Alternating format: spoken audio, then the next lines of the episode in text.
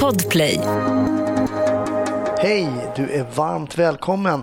Det är dags för ännu ett avsnitt av podden Snutsnack med mig, Hasse Brontén. Jag har en gäst idag som alltid. Hon heter Isabelle, jobbar som polis i Sundsvall.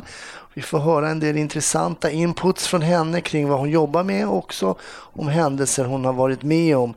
En liten avledande manöver som kan eh, vara intressant att eh, lyssna till hur en observation kan avleda ett samtal. Ja, det kommer alldeles, alldeles strax. Följ oss på Instagram, följ oss på Facebook. Eh, skulle du vilja stötta podden för att du tycker att den är bra så uppskattas det oerhört. Eh, det kan du gärna göra genom att bli Patreon. Gå in på eh, patreon.com snutsnack och då kan du också ta del av bonusmaterial med mera. Ja, nej, men vi ska väl låta det här eh, avsnittet börja.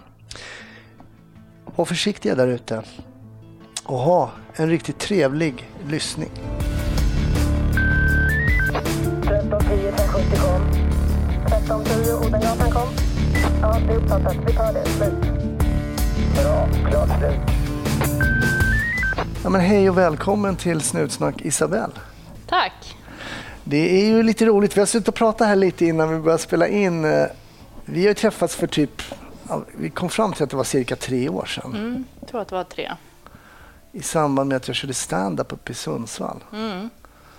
Precis. Skratta med käften. Ja, hette klubben ja. Precis. På E Street där uppe i Sundsvall. Ja, och då... Ja, jag vet inte, men vi hängde väl vid baren där på något sätt. Och, på något sätt har jag lyckats få ditt telefonnummer i alla fall. och det har legat i mina rullor som det heter. Och sen hörde jag av mig till dig. Precis. Eh, blev förvånad när jag slog på telefonnumret. Hasse Brontén Entertainment. Ja, bara Brontén Entertainment, oerhört fantasilöst eh, aktiebolagsnamn. Ja.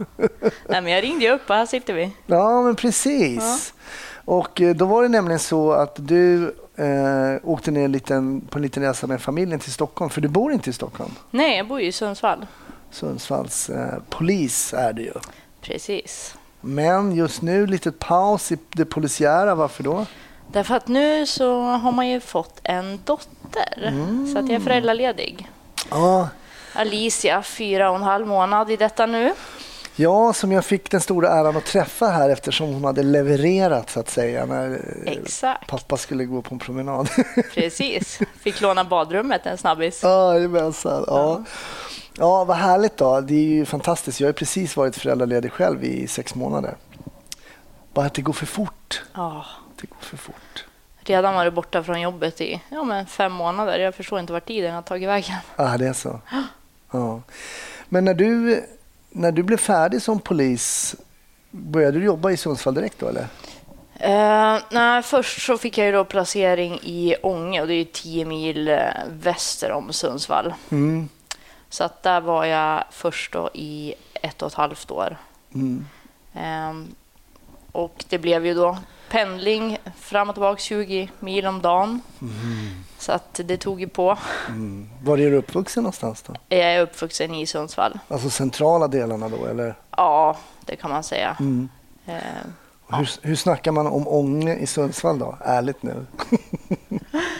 Ja, eh, jag var ju tvungen att tacka ja för att då sa de att om du är här Mm. en tid så lovar vi att du får Sundsvall. Då behöver du inte söka dig till Sundsvall sen utan det står på papper, står på kontraktet. Då får du komma dit när du har gjort din tid där uppe. Ja, okej. Och det blev så också? Så blev det. Så att eh, ute då så var jag i, ja, men på IG, ute i uniform, polisbil. Mm. Men eftersom det är så pass liten station så blev det ju som, man var ju även utredare. Men eh, Ja, okej. tjänsten var ju ändå ute i uniform liksom. Men en sån lite då, man tänker Ånge, det är någon del som kanske får liksom googla det för att... eh, Sådär. Vad, vad, Typ även jag. som är från trakten. ja. Men beskriv liksom hur arbetslivet som polis är på en, i ett sånt lite mindre distrikt. Hur, hur var det att komma dit? Som, för när man är färdigutbildad så står man liksom som du vet tjuren Ferdinand liksom så här lite. Eller han var i och för sig rätt lat. Men hans, hans polare i alla fall stod och trampade och ville ju liksom ut på Precis. arenan. Hur, hur, hur kändes det att komma till en sån lite mindre ort? Eh, jo, men eh, vi var ju ändå några stycken där. Eh, och man blir väldigt tight. Man Mm. åker ju oftast... Man är kanske bara en bil. Mm. Eh, och man täcker ju ett väldigt stort område. Mm. Sen hade vi ju samarbete också med eh, Jämtland. Mm. Så att jag kunde ju bilda patrull med någon polis i Bräcke Mm. eller någon polis i Hammarstrand. Eh, så att det är ju ganska många mil emellan, men då fick ju ja, en påbörja till exempel göra i Ånge, eh, hämta bilen eh, och kör då till eh, eh, ja, men Bräcke eller Hammarstrand. Mm. Och så hoppar kollegan in där. Och sen har vi i princip hela området. Oj. Så att eh, ja, men vissa pass så kunde ju köra 40-50 mil liksom. Man skulle från ja, men Ånge till Hammarstrand och så tillbaks och så kanske tillbaka igen. Men, fram men jag tänker då, så här, du hoppar in. Kan det ha varit någon kollega du i, ens aldrig hade träffat då kanske? Eller? Ja, alltså vi hade ju, eh, vad ska man säga, alltså APT, arbetsplatsträffar med eh, de här kollegorna också. Så att det var ju som att man, man kände ju ändå varann. Mm. Eh, men jag minns en sak som kan uppstå eh, nu när du frågar. Eh, är ju, jag minns, jag hade, tror att jag hade varit klar polis då första aspiranten och så sen klar polis i två dagar. Och jag kommer upp till polisstationen. Eh, jag ska jobba en helg. Eh, det är vinter, det är kolmörkt ute. Eh, stationen är ju liksom nedsläckt, det är ju bara jag där, så det är jag som får tända upp, larma av, gå ner i vapenskåpet, hänga på med alla persedlar. Och så sen så hade vi ju en eh, Rakel, då, som, alltså en polisradio som står inne på kontoret. Då. Eh, för det var innan jag hade hunnit satt på mig utrustningen. Mm. Och då hör jag ju att det är ett, eh, eh, ja, en person som håller på och försöker ta sitt liv i eh, ett garage genom att gasa ihjäl sig. Okej. Och jag är ju då ensam på stationen och jag ska, jag ska ju bilda patrull med en kollega från Hammarstrand. Okej. Och eh, om jag inte säger fel, så jag tror att det är 10 mil, typ enkel väg för att komma till Hammarstrand. Och han skulle till mig. Eh, och han var ganska gammal i gamet, så han stod ju inte direkt eh, startklar när jag påbörjade mitt pass, utan eh, Han stod inte i blocken? han körde lite manana. Eh, Så då ropade yttre befäl eh, på radion och eh, inser ju samtidigt att det är ju bara jag på stationen. Ja. Men, och jag varit riktig polis, eller man ska säga, polisassistent i två dagar. Så att det var ju bara att eh, hoppa in i, i bilen, försöka navigera sig till den här adressen. Det var ju långt ut i skogen. Ja. Och det jag visste då att eh, någon försöker ta sitt liv i, eh, sitter i bilen och eh, ja, försöker gasa ihjäl sig. Men vad tänker du när du är på väg? dit? Du, två, du har varit alltså färdig polis i två dagar. Ja, och ingen Kommer till en nersläckt station, Ja. får tända upp, larma av, Ja. knappt hinner ta på dig uniformen och sen bege Vad tänker du när du åker ut? I, i, för det, är ändå, det tar väl några minuter att komma till det här garaget. Vad, vad, Ja, garaget ligger ju liksom i samma hus, men jag ska ju ner och eh, jag minns att jag jävlades med GPSen. Jag fick inte igång den. Eh, fick köra på telefonen, så liksom det blev, jag skulle köra. Jag visste inte riktigt vart jag skulle. Skulle titta navigationen på telefonen. Eh, och så tänkte jag att ja, alltså, det finns ju bara jag här, så nu får vi hoppas att ambulanserna hunnit komma så att jag har någon där om det är så att det nu är skarpt när jag kommer fram. vad hände när du kom fram då? Eh, Och jag minns också att jag frågade vakthavande, jag är ensam här, ska jag... Nej, men du kommer klara det här Isabelle. Kör nu, det blir skitbra det här. Ja, ja, men vi kör. Nej, men så kom jag dit och eh, som tur var då så var ambulansen på plats och de hade dragit ut han ur bilen då Okej. och eh, öppna garaget. Så han eh, låg på ja, britsen då, i ambulansen och hans mamma hade kommit till platsen också och var ju i chock. Så att eh, min uppgift blev då att ta hand om henne. Mm. Eh, Det var verkligen liksom 0 till 100 på något som färdig polis. Och... Ja, det är sånt som kan hända kanske också när man är på en liten station, ingen kollega Nej. Fick som är i närheten. Fick det dig att tänka liksom på fortsatta tiden där? Jag tänker det kan ju hända precis egentligen vad som helst. Mm.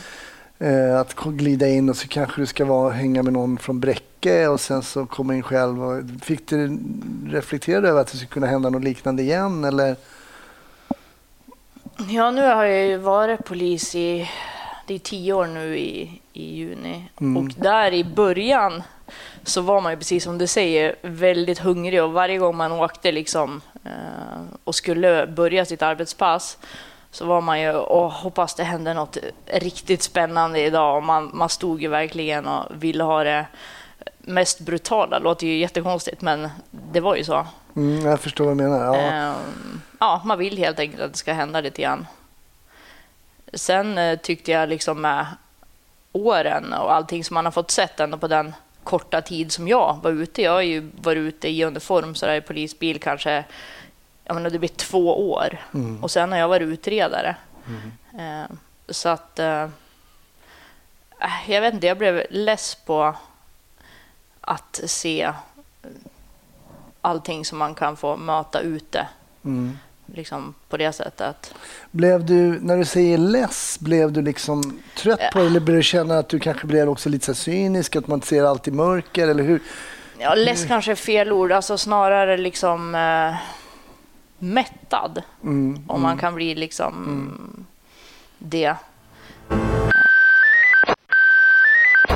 Man kommer ju ut med en tanke tror jag, nu säger jag man och jag kan väl egentligen bara tala för mig själv då, men man är färdigutbildad polis, man vill liksom, det här kan låta lite naivt, men så här rädda världen, man vill liksom eliminera all brottslighet på den platsen dit man kommer och så vidare. Och så vidare. Och ganska fort så märker man att det här kommer inte hända. Mm, precis. Alltså min det låter som en klassiker som man säger på intervjun. Att, Just det.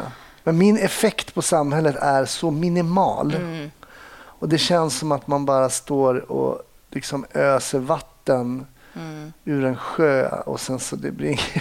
Nej, Alltså, den känslan kunde jag få någon gång ibland. Liksom man tänker så ja, men nu har vi tagit bort mycket knark. Jag bara, nej det har ni inte alls. Mm.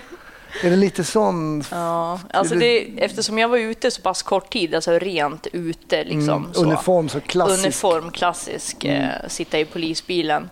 Eh, och det jag menar med egentligen mättad, eh, det är att jag kände väl att jag ville utvecklas Mm. Och testa någonting annat. Eh, sen tycker jag att de som jobbar ute, eh, de är ju alltså de är ju verkligen hjältar. Att de orkar. Och den, det, är liksom, det är tre skift och det är tung uniform. Eh, man sitter liksom i den där bilen, det är inte direkt bekvämt och man kan få stå på trafikolyckor i flera timmar, du vet inte när du får äta. Så hela den där biten, alltså de är verkligen... Mm. Jag beundrar dem. Eh, Men sen när jag var klar där, då, då visste jag ju som jag sa eh, på kontraktet att jag skulle få komma till Sundsvall. Eh, Så det var ju egentligen att jag, att jag blev utredare, det var ju egentligen en tillfällighet för att jag skulle inte få börja jobba ute Okej. när jag kom till Sundsvall. Nej. Utan då hamnade jag ju då på krimjouren och sen som ja, men, utredare. Då. Mm. Eh, Så på den vägen är det ju där jag egentligen är idag, att jag stannar kvar som utredare inom polisen. Tänkte vi skulle prata mer just om det här utredarjobbet, men jag tänkte jag skulle spola tillbaks bandet lite grann. För liksom tanken att ens börja jobba som polis, vad, vad, vad, hur och när dök den upp hos dig? Ja, jag vet egentligen inte. Jag tror att den bara har funnits där jämt, den tanken. Mm. För att jag är väldigt nyfiken som person och eh, mina kompisar brukar skämta och säga att så fort det har hänt någonting liksom under uppväxten och man ser att det står en polisbil någonstans eller du vet, man ska dit och man ska titta och eh, ja, intresserad. Mm. Du har ingen du har inte mamma och pappa? Eller? Nej, ingen koppling alls. Så. Nej. Men just nyfikenhet, eh, Ja, det är också en Tror- sån här klassiker. Det känns som att det är någonting alla säger. tror du det ändå? Jag har Ja. nog aldrig sagt det tror jag, just nyfikenhet. Men jag tycker den är... Ja, nej, jag är nyfiken på människor. Det tror jag att det är det. Som min pojkvän sa innan, innan han gick ut med dottern i vagnen. Att jag inte skulle prata sönder dig. Att jag inte skulle prata hål i huvudet på dig. Jag tycker att jag tycker det är intressant att prata med nya människor. Ja. ja, men den är ju... Den tror jag är viktig och den, att det intresset också är faktiskt genuint. Att man liksom... För jag har ju träffat poliser, de är helt ointresserade av att prata med människor. Mm. Alltså faktiskt. Mm. Eh, De tycker nog att det kan vara rätt, människor är rätt tråkiga. Mm. Eh, Jag tror det är en tuff start alltså. Mm. Men sen började jag ut, jobb- jobba med utredningar och jag vet ju lite vad du jobbar med nu. Är det det du har jobbat med hela tiden eller?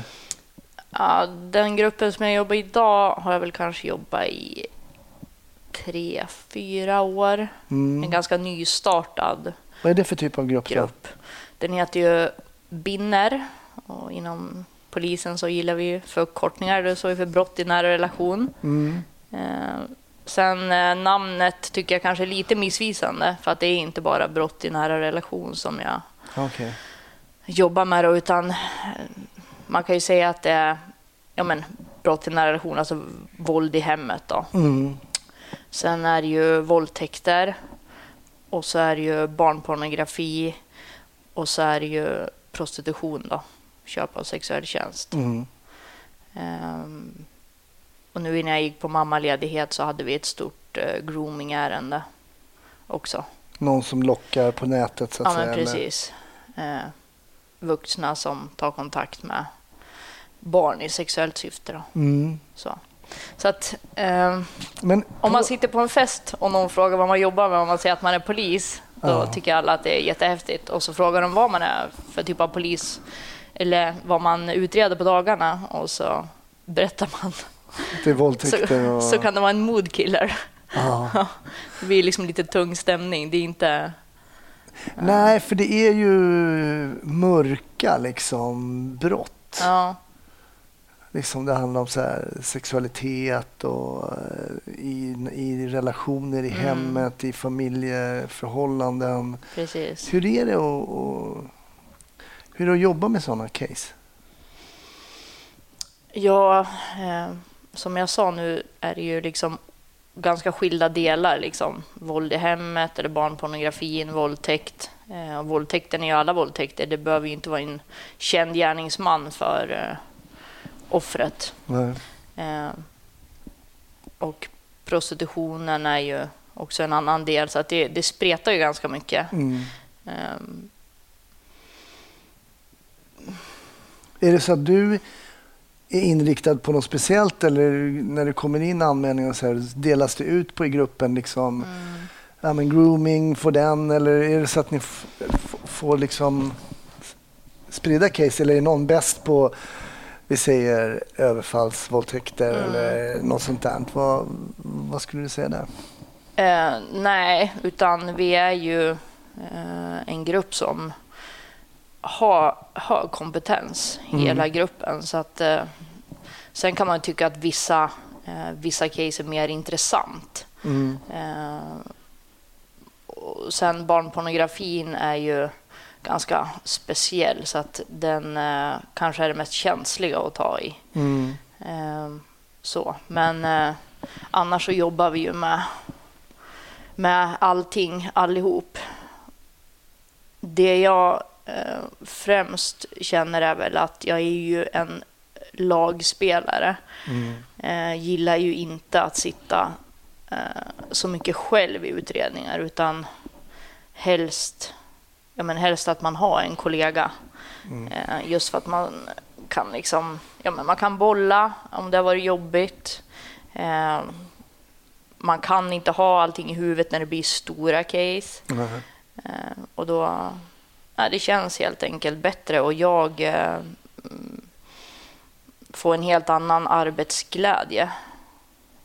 Så att, och det som är roligt då i min grupp är att jag har, mm,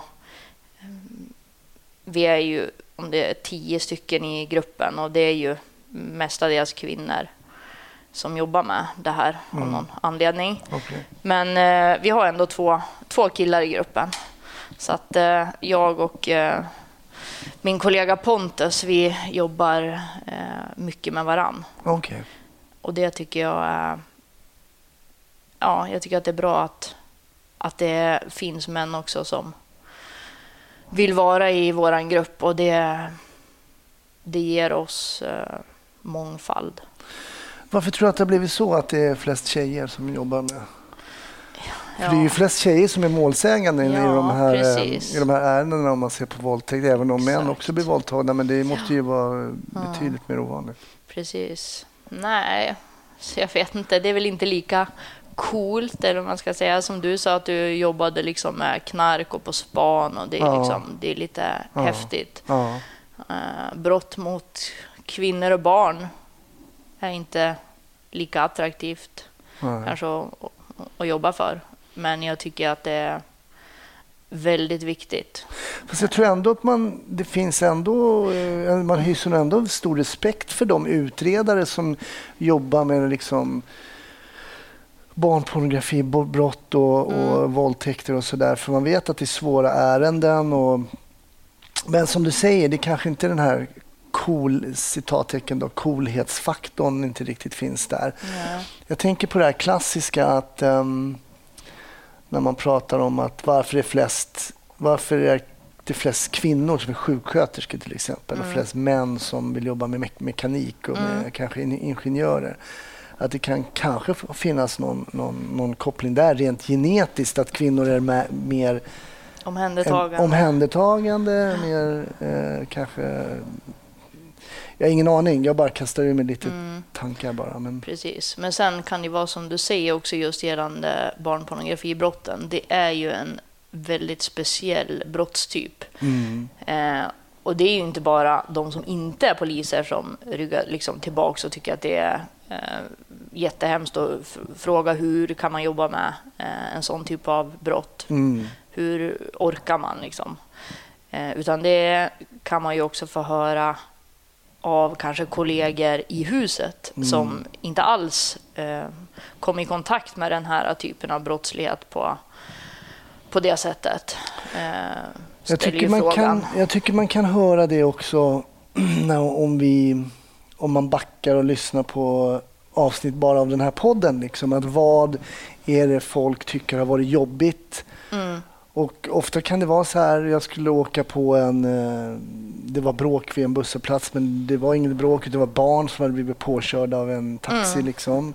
Att just barn, det finns ju någonting med att under våra barns uppväxt, vi ska skydda dem, de ska vara trygga, de ska bli liksom Mm. eh, fostrade i en lugn och naturlig miljö och så när, när saker så här händer så blir det, vi, vi, vi pallar det liksom inte riktigt. Nej. Men hur var det för dig då när du hade ditt första barnpornografibrott till exempel? Brott till exempel? Var det, fanns det någon form av nervositet att liksom sätta tänderna i ett sånt ärende eller var det bara som business as usual? Eller hur tänkte du kring det? Ja, första gången jag kom i kontakt med det, det var inte egentligen på gruppen det är idag, utan Okej. eh, när jag började då på krimjouren efter tiden jag hade i Ånge Mm. eh, som IG-polis, då när man är på krimjouren så får man ju eh, ta egentligen allt som kommer in. Man har ingen specifik eh, brottskategori, Nej. utan eh, man jobbar ju som, som det heter då, en jour. Eh, så att om någon blir gripen eh, av eh, patrullerna ute, krimjouren tar över när vi kommer till stationen och håller förhören. Och så sen jobbar ju de med alla som är anhållna och frihetsberövade. Mm. Så att det var ju precis när jag hade jobbat några år. Och då var det en man. Och det roliga var att jag hade faktiskt träffat på den här mannen i ett annat sammanhang när jag hade jobbat ute. Eh, och då minns jag att eh, vi skulle börja vårt pass. Jag hade min eh, tjänst på krimjouren, men ibland när IG då i Sundsvall hade planeringsdag så fick vi hoppa in eh, krimjouren och sätta på oss uniformen och gå ut och täcka eh, IG-verksamheten. Och då minns jag att jag satt, vi skulle jobba eh, eftermiddag 15.23. Eh, sitter och äter lite grann innan vi ska ut och då kommer det några kollegor och säger att idag var jag nära att få eh, dra vapen eller kanske till och med skjuta. Mm. Eh, gud, vad var det som hände då? Och så berättar de då att det var en man som hade eh, uttryckt att han ville bli skjuten av polis. Eh, och eh, han hade suttit vid sin dator hemma och eh, börjat, han hade skurit sig i handlederna. Och så hade han ju sänt det här live. Mm -hmm. och då var det ju någon som ringde till polisen då Eh, och polisen åkte till hans lägenhet. Eh, och mycket riktigt då så hade han ju skurit upp sina eh, handleder och armar. det fanns bland annat en yxa i lägenheten. Okay. Och det var ju blod på golvet berättar de. Eh, de fick köra han till ja, men först till sjukhuset och sen hamnade han på psyket. Men från psyket så hade han då rymt visade det sig eh, under mitt arbetspass. Så, och det var ju en sån här eh, dag när vi hade ganska få bilar, även i Sundsvall, just eftersom det var planeringsdag. Så den andra bilen hade åkt på ett självmordsförsök långt eh, utanför Sundsvall. Så att vi var egentligen enda bilen, jag och en kvinnlig kollega i Sundsvall. Och eh, yttre befäl ropar upp oss och säger att eh, den här personen i fråga har eh, rymt från psyket så att vi måste åka hem till hans lägenhet för att se om han finns på adressen. Eh, och vi visste ju att han hade uttryckt att han ville bli skjuten av polis och att han hade en yxa hemma. Vi åkte dit och kände egentligen att vi kanske bör vänta in den andra polisbilen. Mm. Men det tyckte inte eh, vakthavande att det fanns tid till så att det slutade med att vi åker till adressen. Och mycket riktigt då så öppnar ju den här mannen dörren och undrar vad vi är där. Vi ser att det är rätt man. Han har ju bandage över armarna och det är ju torkat blod på golvet. Och vi förklarar då att eh, han ska följa med oss. Och eh, eh i de lägena så känner man att eh, nu gäller det att hitta ett samtalsämne. Han var kanske 1,95 och jag är 1,63 och min kollega var väl ungefär lika, lika lång som jag. Så att eh, vi började prata ganska fort där och tyckte att han skulle följa med oss eh, i bilen.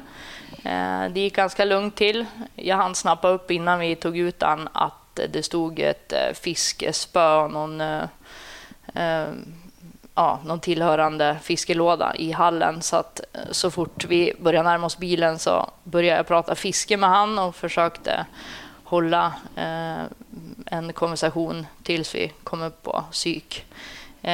Det gick bra faktiskt. Sen gick det kanske ett år åter tillbaka till när jag upptäckte eller fick eh, erfara och hålla ett förhör gällande barnpornografi. Efter kanske ett år så eh, får jag gå ner till arresten och ska eh, delge en eh, misstänkt då, brott eh, om barnpornografi. Mm. Och då är det han som dyker upp. Wow, okay. Och då hade ju han eh, utnyttjat en av sina döttrar. Okay. Så det var ganska surrealistiskt att behöva läsa upp gärningsbeskrivningen. Mm. Eh, alltså som åklagaren då hade skrivit eh, vad han hade gjort mot sin dotter. Mm. Eh, att behöva ja, högläsa det inför han och eh, hans försvarare. Det var första gången som jag kom i kontakt med barnpornografi på det sättet. Jag behövde inte se några bilder, mm. men det räckte med orden eh, så dök bilderna upp i huvudet själv av ren fantasi vad han hade gjort. Vad tänkte du då, då kring den? För att jag hade en gäst här för något avsnitt som jobbar precis med sånt här också, att man inte kanske har så mycket till övers för de här gärningarna så att säga och kanske personerna då som begår dem. Mm. Vad, vad, vad, vad dök upp i ditt huvud när du liksom sitter och läser den här gärningsbeskrivningen och, och får de här bilderna, vilket ju antagligen är ofrånkomligt när, man, Mm. När man gör det? Nej, den där frågan får man ju väldigt ofta. Mm. Eh, och nu är ju det här, vi säger att det här kanske var 2013, 2014, så att jag har ju hunnit hållit en del sådana förhör nu. Mm. Eh, men eh, svaret på frågan är ju att jag försöker verkligen att behandla dem med respekt. Eh, jag är trevlig. Jag, är, jag försöker liksom inte lägga så mycket fokus på vad de har begått för brott. Så, utan jag håller förhöret och eh, min tanke är att om jag är professionell och försöker eh, ja, men vara trevlig och eh, jag ska ju egentligen inte döma, alltså jag ska ju vara objektiv även om det kan vara väldigt svårt i sådana fall. Men eh, om jag skulle sitta mitt emot eh, personen i fråga och bara eh, stå och skrika att du är dum i huvudet, du borde inte få leva. Nej. Det blir inte jättemycket av förhöret. Liksom. Nej. Utan det är bättre att skapa en kontakt, få dem att prata. Eh, få dem kanske att erkänna. Eh, och eh, ja, det är mitt arbetssätt som jag tycker att det funkar. Kan du få sån tanke ibland att du har sånt, du kanske har sån gärning som är så pass vidrig, liksom, till exempel mot barn, att du kan i din alltså, tillfälle tänka så här, men det vore nog bra om den här personen kanske inte fanns längre. Ja, alltså när man eh, ser vissa bilder och man hör även under förhöret, vissa förstår ju kanske inte hur sjuk de är Genom att de kan sitta och berätta. Kanske till och med säga att det är vackert. Alltså då Mm. eh, kan man ju liksom inte känna något annat än hat egentligen. Men det är aldrig någonting som jag visar utåt. Nej, vad jag menar är att man kan, jag har själv haft liknande, att jag tror att det kanske, och jag är ingen psykolog eller psykiater på något sätt, men att det kanske är normalt att få en sån tanke ibland, men att som du säger då, att man får ändå vara professionell i, i läget där. Men jag skulle vilja backa, jag tycker det var intressant där när ni kommer och ska hämta honom efter att han har varit på psyket och blivit lite omplåstrad och sådär, när man står i en situation när man vet att det kanske är kört om det blir tokvåld nu.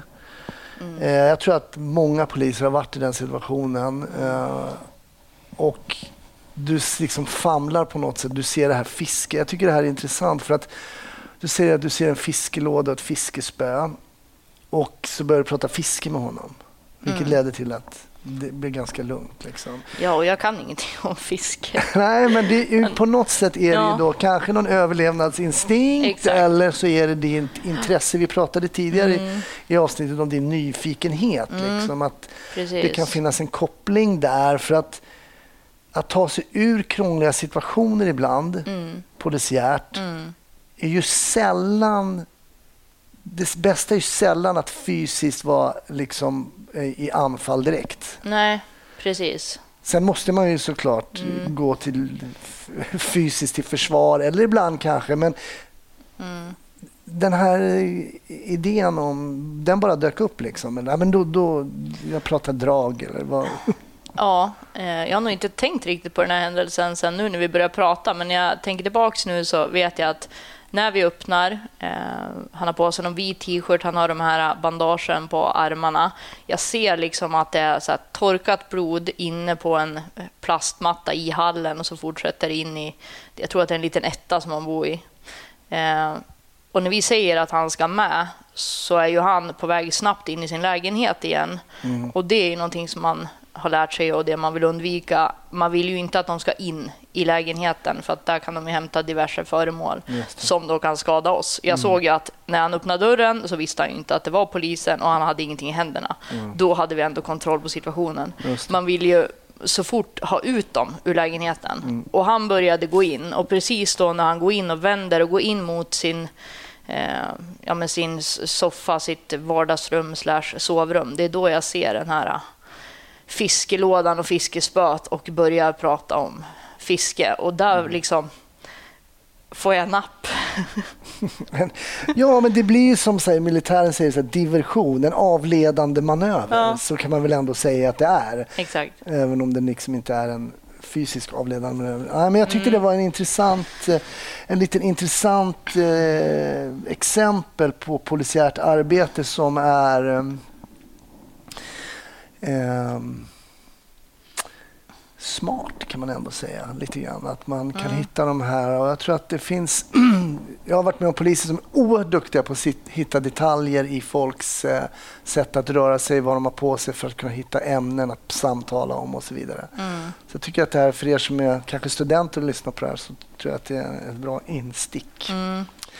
Eh, och sen var det ju faktiskt så här, eh, nu är det ju så många år sedan, och, eh, men den här andra polisbilen var ju som sagt ganska långt ifrån. Mm.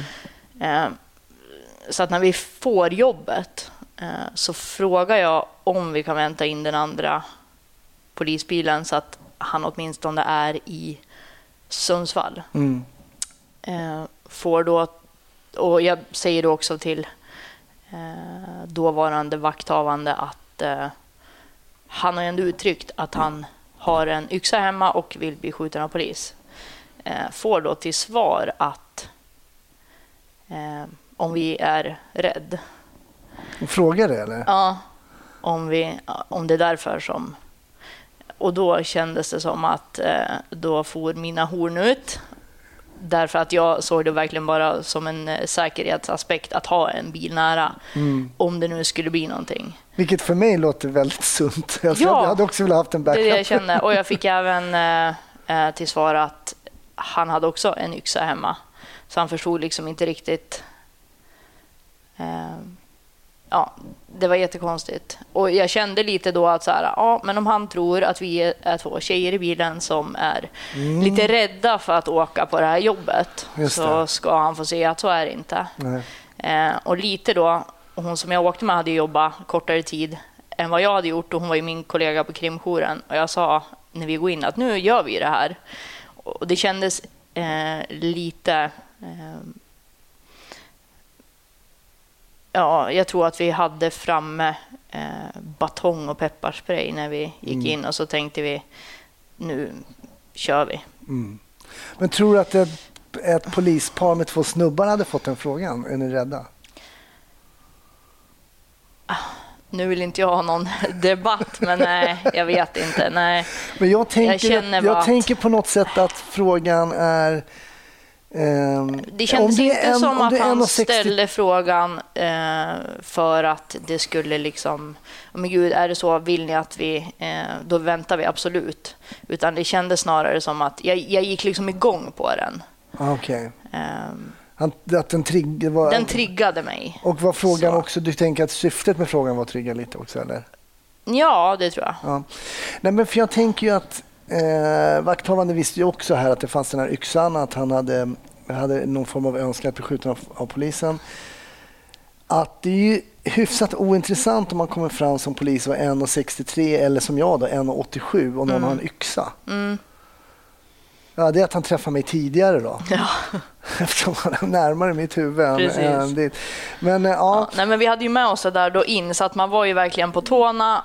Eh, Och jag tror att det var därför jag liksom grep efter halmstrån in också. Jag såg den där eh, fiskespöet, vi började prata, jag ville hålla konversationen igång och så ut fort ur lägenheten och sen gick det ju bra. mm, Men just det där eh, att man fick frågan. Och det var nog det som gjorde att vi vi ändå gick in Ja. direkt där. Mm. Eh, skillnaden då? Du sa att du har ju bara varit ute i två år egentligen på så klassisk uniformstjänst. Och så Mm. Och så på somrarna har man fått vara ute och täckt också. Ja, okej. Det är väl ändå det glassigaste för Ja, ja. sommaren. Ja, det är helt magiskt. Men eh, utredarjobbet då kontra liksom det här klassiska polisiära jobbet. Vad, vad ska vi säga är fördelarna med att jobba som utredare? Förutom att du får lunch. När du, när du kan själv bestämma när du ska få äta. Ja, oftast. Eh, Fördelarna? Mm.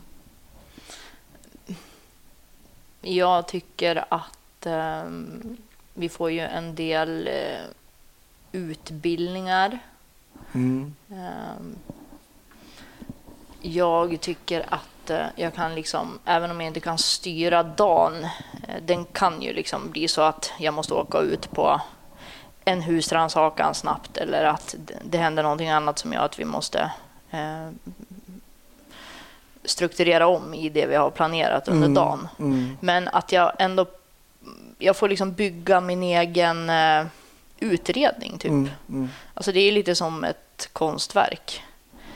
Eh, Berätta, hur är det ett konstverk? nej, men jag tycker att eh, beroende på hur duktig jag är som förhörsledare Mm. Eh, och sen är det ju liksom hela linan ifrån att eh, de på IG har varit ute på, eh, på jobbet. Vi säger en eh, grov kvinnofridskränkning, Mm. alltså våld mot kvinna i hemmiljö.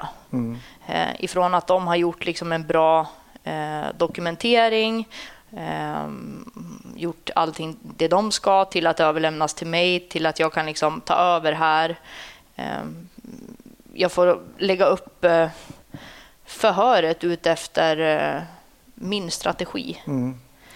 Eh, och sen att det går liksom ifrån det jag har suttit och gjort till eh, en färdig FUP, alltså ett förundersökningsprotokoll som sen överlämnas till åklagare. Och det, det vi har åstadkommit i min grupp som läggs fram i tingsrätten.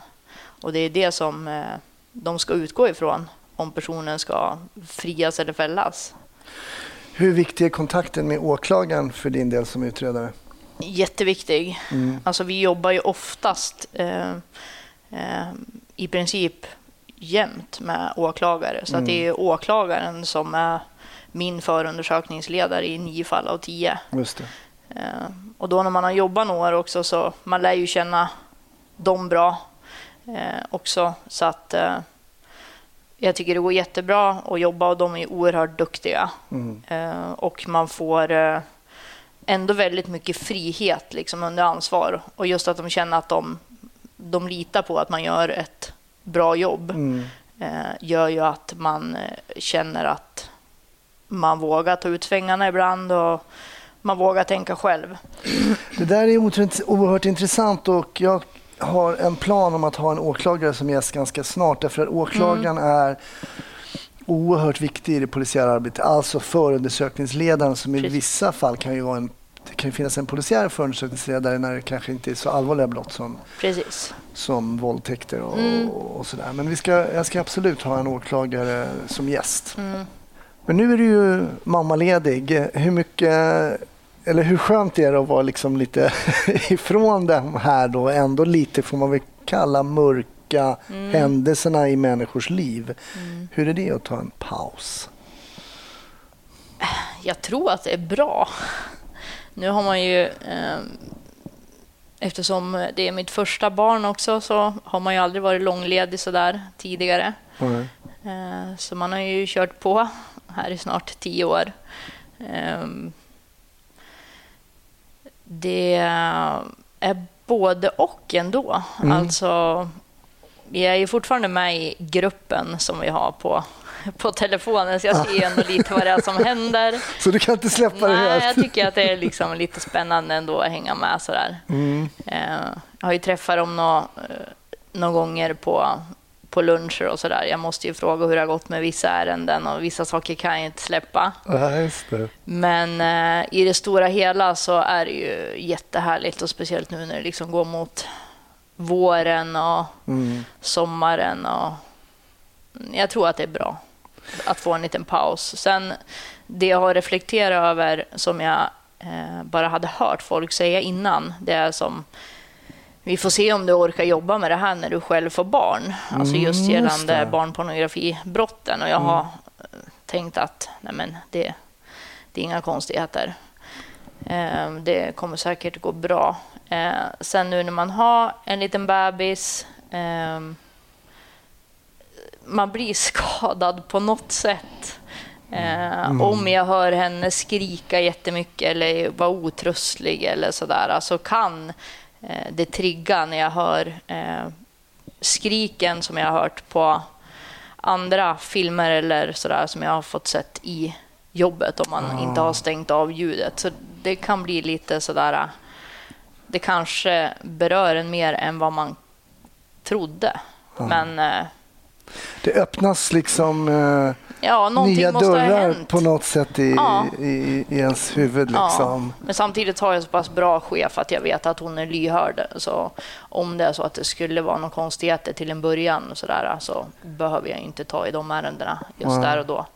Jag tror att det är svårt att inte... Jag tror inte man gör det frivilligt, men när man är med om saker i yrket där till exempel barn som då är i ens egen barns ålder. Mm. Alltså, de kopplingarna kommer så naturligt såklart. Mm, Eh, sen är man ju logisk och vet att det här är ju inte en, eh, det är inte en sann koppling. Alltså, det har inte Nej. hänt. Men man, man, den där smärtan som du beskriver, att man hör skrik och Ja, kopplar och så här, det är någonting med oss Precis. som gör att vi påverkas såklart. Alltså. Så att eh, samma sak med grooming-ärendena. Mm. Eh, när man pratar, ja men du vet, Snapchat eller sådär. Då tänker jag, Alicia kommer få en 3210. Och spela Snake på den. Spela Snake på den. Det, man är ju liksom arbetsskadad ibland så Ja, ja, vi får se hur det går. Precis. Ja, men intressant. Vi em, brukar alltid runda av och prata om eh, polisserier eller kolla på polisfilmer och sådär. Eh, sitter du klistrad nu vid den här Mm. nya tunna blå linjen? Ja, faktiskt. Ja, du gör det? Ja, jag tycker att den är jättebra för att jag tycker den är så autentisk. Ja. Och eh, första avsnittet kändes lite B. Min pojkvän sa att är det en rekryteringsfilm för polisen känns det som. Ja, okej. Sen eh, när man gav det en chans så har det fortsatt eh, och blivit väldigt bra tycker jag. Så nu väntar jag ivrigt på nästa avsnitt här. Så det Okej. rekommenderas. Jag har fortfarande inte börjat kolla. Så att, nej, jag ska göra det. Men om vi, om vi glömmer den där tunna blå linjen då, som det verkar väldigt realistisk. Mm. Att man har försökt hitta de här ehm, bitarna kring utsättningar och, och sådär. Och, vad har du tänkt kring eh, polisfilmer i övrigt om du kollar på Beck? Eller? Mm. Nej, men Beck är ju ändå Beck.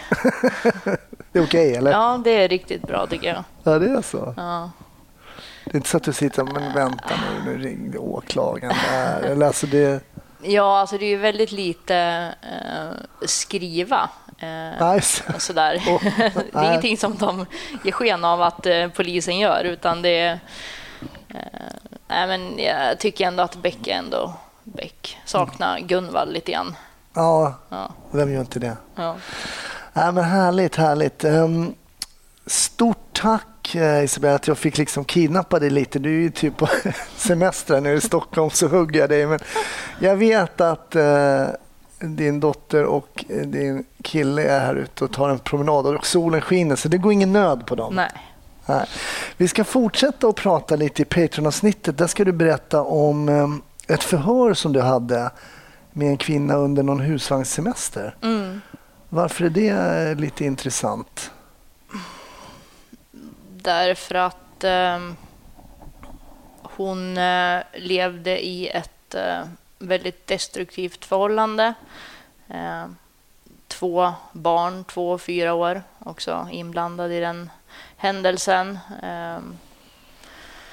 Ja, normaliseringen av hur det kan gå Mm. när en kvinna fastnar i ett sånt förhållande och ja, hur tragiskt det kan bli. Intressant. Om du är Patreon så glöm inte att lyssna även på det. Tack så länge Isabel. Tack så jättemycket.